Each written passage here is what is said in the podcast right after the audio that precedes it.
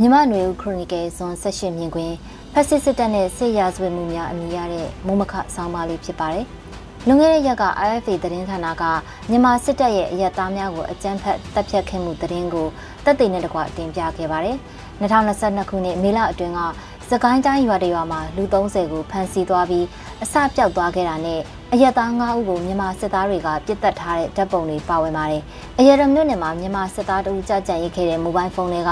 စစ်သားကိုယ်တိုင်ရိုက်ထားတဲ့ဗီဒီယိုနဲ့ဓာတ်ပုံမှတ်တမ်းတွေအရအထက်ပါမြန်မာစစ်တပ်ကလက်နက်မဲ့အရက်သားများကိုဖမ်းဆီးအကြမ်းဖက်ပြစ်တက်ခဲ့တာတွေကိုသူတို့စစ်သားတွေကိုယ်တိုင်မှတ်တမ်းယူထားတာအချင်းချင်းဖွင့်ပြောကြတာတွေကိုမြင်တွေ့ရတယ်လို့သတင်းဌာနကထုတ်ပြန်ပါတယ်။အဲ့ဒီထဲမှာလူ26ယောက်ကိုတပ်ပူးတယ်လို့ စစ်သားတဦးကဝန်ခံပြီးတဦးကတော့9ဦးကိုတတ်ခဲ့တယ်လို့ပြောတဲ့အတန်ကြားရပါတယ်။မြန်မာစစ်တပ်ကစစ်သားတွေဟာရက်ဆက်ကြမ်းကြုတ်စွာစစ်စင်ရေးဆင်နွှဲနေပြီးအရက်သားတွေကိုဖမ်းဆီးတပ်ဖြတ်မှုတွေကျူးလွန်နေတာကိုတစုံတစတက်သိတွေ့ကြရတာကြောင့်တရားဥပဒေရဲ့မျက်ကွယ်မှာမြန်မာစစ်တပ်လူတက်နေတာယခုຫນွေဥတော်လှန်ရေးကာလအတွင်းစကိုင်းတိုင်းတစ်ခုထဲမှာတင်ရာနဲ့ချီပြီးရှိနေပြီလို့ကောက်ချက်ဆွဲရမှာဖြစ်ပါတယ်။နိုင်ငံတကာကမြန်မာစစ်တပ်ရဲ့စစ်ရာဇဝတ်မှုတွေကို2019 ရိုဟင်ဂျာအရေးအခင်းမှာအများပြည်သူသိအောင်တက်သေးတဲ့တကွထုတ်ဖော်နိုင်ခဲ့ပါတယ်2018ခုနှစ်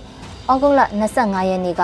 ရခိုင်ပြည်နယ်မြောက်ပိုင်းဘူးသီးတောင်နဲ့မောင်တော်ဒေသကရေကင်းစခန်း30ကျော်ကို Arakan Rohingya Salvation Army အာဆာအဖွဲ့ကဝင်ရောက်တိုက်ခိုက်ခဲ့အပြီးတပတ်ကြာမှာအင်းဒင်တပ်ဖြတ်မှုဖြစ်ခဲ့တယ်လို့ရိုက်တာရဲ့အထူးသတင်းဆောင်းပါးမှာဖော်ပြခဲ့ပါတယ်။အင်းဒင်ရွာမှာရိုဟင်ဂျာရွာသား10ယောက်ကိုစက်တင်ဘာ1ရက်ညနေကဖမ်းဆီးခဲ့ပြီး စက်တင်ဘာလ2ရက်မနက်10:00နာရီလောက်မှာရွာသား2ယောက်နဲ့လုံခြုံရေးတပ်ဖွဲ့တွေက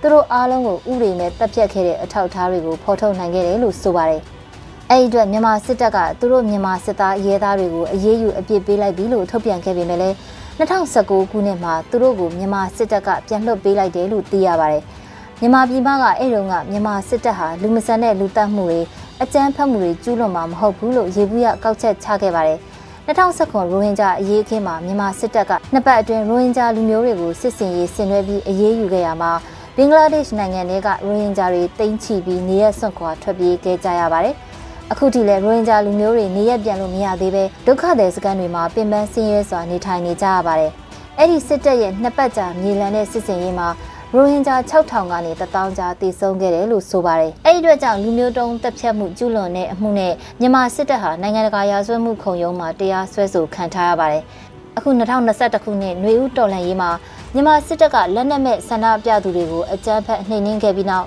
လူထောင်ချီပြီးဖမ်းဆီးထားပါတယ်။လမ်းမနဲ့ထောက်လန်းရေးစခန်းတွေမှာလူတွေရာချီပြီးအသက်ခံထားရပါတယ်။ 2021ခုနှစ်ဧပြီနဲ့မေလကစတင်ခဲ့တဲ့မြန်မာပြည်သူတွေရဲ့ရရလက်နက်နဲ့အခုခံတွန်းလှန်စစ်ကိုလည်းမြန်မာစစ်တပ်ကရက်ဆက်စွာတပ်ဖြတ်မိရှုနှိပ်စက်နှိမ်နင်းနေပါတယ်။တပ်တွေအထောက်အထားဖြစ်စစ်ရဲ့တားကောင်များရဲ့အမည်စည်းတွေသူတို့မိသားစုဝင်တွေရဲ့ထွက်ဆိုချက်တွေလည်းတော်လှန်ရေးအဖွဲ့အစည်းများကရရှိထားပြီးဖြစ်ပါတယ်။မြန်မာစစ်သားတွေရဲ့ကိုယ်တိုင်တင်စီချတဲ့မှတ်တမ်းတွေကိုလည်းဒေသခံရွာသူရွာသားတွေကဒီထက်ပိုပြီးတင်ပိုက်လာနိုင်မယ်ဆိုရင်သတင်းဌာနတွေစီကိုစနစ်တကျပေးပို့နိုင်မယ်။ ပြည်သူတွေကိုတင်ပြနိုင်မယ်ဆိုရင်ဖက်စစ်စစ်တပ်တရုတ်မှန်ကိုလူတိုင်းလက်ခံပြီးစစ်အာဏာရှင်စနစ်ဖျက်သိမ်းရေးအရေးပါပုံအချိန်ဆွဲလို့မရဘူးဆိုတာပုံမူသဘောပေါက်လာဖို့ညွှန်လင့်ပါတယ်။စကိုင်းတိုင်းဒေသအပေါ်မြန်မာစစ်တပ်ရဲ့စစ်ရာဆွဲမှုတွေဒါမကနှစ်ပေါင်းများစွာကချင်ကရင်ရခိုင်ချင်းရှမ်း